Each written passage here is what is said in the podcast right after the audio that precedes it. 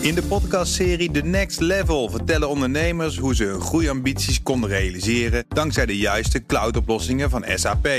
Wat waren de uitdagingen, de oplossingen en hoe ging de uiteindelijke implementatie? Benieuwd naar hun verhalen en hoe zij met behulp van SAP ook hun toekomstige ambities kunnen behalen? Luister de podcast The Next Level via de BNR-app of je favoriete podcast-app. Tech Update. Maar naar Joe van Buurik. Goedemorgen, Joe. Hey Bas en Iwan. I- eh, Apple wil minder afhankelijk worden van eh, China voor de productie van iPhones. In de categorie, dat zijn nou dingen die we echt niet hadden verwacht. Nee. Na de rellen bij Foxconn de afgelopen weken in Shenzhou... en eh, ja, het feit dat mensen daar eigenlijk nog net geen dwangarbeid moeten leveren... als je ziet wat voor nieuwe coronabeperkingen er keer op keer worden opgelegd. Mensen die eigenlijk wonen eh, bij de fabriek en daar extra shifts moeten draaien... en dan ook nog eens onzekerheid of je überhaupt je geld krijgt. Sowieso, dat hele yo-yoende coronabeleid van China... is een doorn in het oog van Apple. En dus willen ze daar nu echt vanaf, meldt de Wall Street Journal afgelopen weekend. Er wordt volop gekeken naar andere landen om iPhones te gaan produceren. Maar Bas, uiteraard zijn dat gewoon weer lage lonen landen in Azië. Tenminste, opkomende economieën, India en Vietnam Ja. worden genoemd. En daarbij wordt dan ook nog gekeken naar andere partners om iPhones mee te mee te produceren. Dat zou dan wel weer een klap in het gezicht van Foxconn zijn. Maar Apple wil daar de afhankelijkheid toch van verminderen. Als je ziet wat er de afgelopen tijd weer voor eh, ja, dingen misgegaan zijn. Laten Ja, we het dingen, zo gewoon dingen die niet gebouwd zijn. Ik geloof 11, 12 miljoen eh, iPhones. Ja, eh, de, 14, hè? de- Lekker zo voor de kerst. precies. Ja. Ja. de timing is niet ideaal. Ja. Je krijgt een nieuwe telefoon, maar alleen nog maar een papiertje met een foto. Want hij moet nog even gemaakt Komt in de zomer. Hij. Dan over Apple gesproken. Dat adverteert ondertussen gewoon weer doodleuk op Twitter. Dat is dat- op zich wel gek. Ja, maar we, dit konden we wel zien aankomen. Nadat we afgelopen week de topmeeting hadden tussen Tim Cook en Chief Twit Elon Musk. Ja. Die kwam even op bezoek op het hoofdkwartier van Apple. Alles leek weer pais en vree. Terwijl daags daarvoor Musk nog eigenlijk de oorlog had verklaard aan Apple. Omdat hij, eh, nou ja, leek t- opeens te hebben ontdekt dat Apple 30% commissie vangt. Wist hij natuurlijk al lang, maar daar ging hij even een keertje hard op roepen. Maar dit weekend meldde Musk apetrots dat Apple gewoon weer adverteert. En dat deed hij, was zoals we van hem gewend zijn, in een Twitter Spaces sessie. Want hey, Twitter is van hem. Twitter Spaces is dan letterlijk zijn podium, zijn megafoon.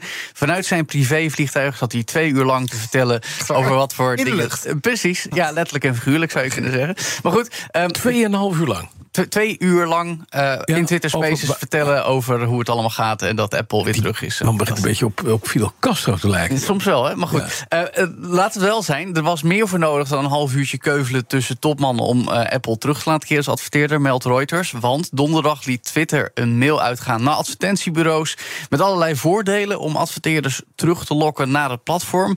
Het werd door Twitter zelf de grootste stimulans, incentive voor adverteerders ooit op Twitter genoemd. Om ze allemaal weer terug te krijgen. En eff- effectief betekent het dat ze voor de helft van het budget het dubbele aan advertentiewaarde kregen. Oftewel, Twitter heeft even 5% heel erg. korting gekregen. Precies, heel erg gestunt met advertentiedeals om iedereen weer eh, in ieder geval aan boord te krijgen. Ook Amazon is weer gaan adverteren op Twitter. Tenminste, dat meldt Reuters dan weer. Dat is dan ook geen kleine jongen met 100 miljoen dollar spend per jaar op Twitter.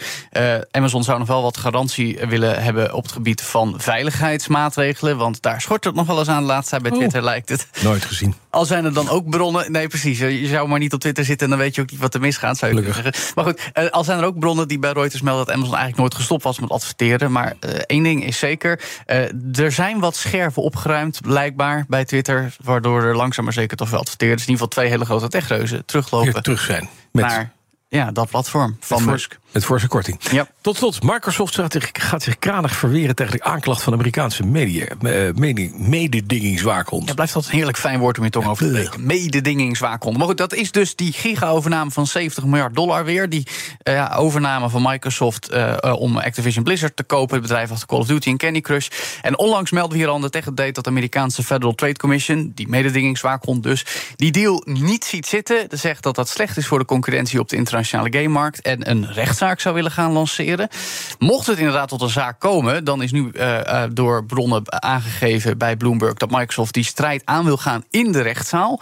En daar zouden ze dan juist weer in het voordeel zijn. Want ik kan me zo voorstellen dat ze al een leger goed betaalde advocaten eh, hebben warm draaien in de gangen. Of ze zouden ook nog meer diezelfde mensen waarschijnlijk kunnen gaan gebruiken om invloed uit te oefenen op de Biden administration. Om tot een soort middenweg te komen. Eh, op het moment zijn er ook nog geen inhoudelijke gesprekken gevoerd, officieel tussen Microsoft en de FTC. Om te kijken op welke manier die deal toch nog er doorheen zou kunnen. En formeel, Bas, is er ook nog geen rechtszaak gelanceerd door de FTC. Want het onderzoek loopt nog. Nog, nog, precies. Dankjewel, Jo van Buurik. De BNR Tech Update wordt mede mogelijk gemaakt door Lenklen. Lenklen. Betrokken expertise, gedreven resultaat. In de podcastserie The Next Level vertellen ondernemers hoe ze hun groeiambities konden realiseren dankzij de juiste cloudoplossingen van SAP. Wat waren de uitdagingen, de oplossingen en hoe ging de uiteindelijke implementatie? Benieuwd naar hun verhalen en hoe zij met behulp van SAP ook hun toekomstige ambities kunnen behalen? Luister de podcast The Next Level via de BNR-app of je favoriete podcast-app.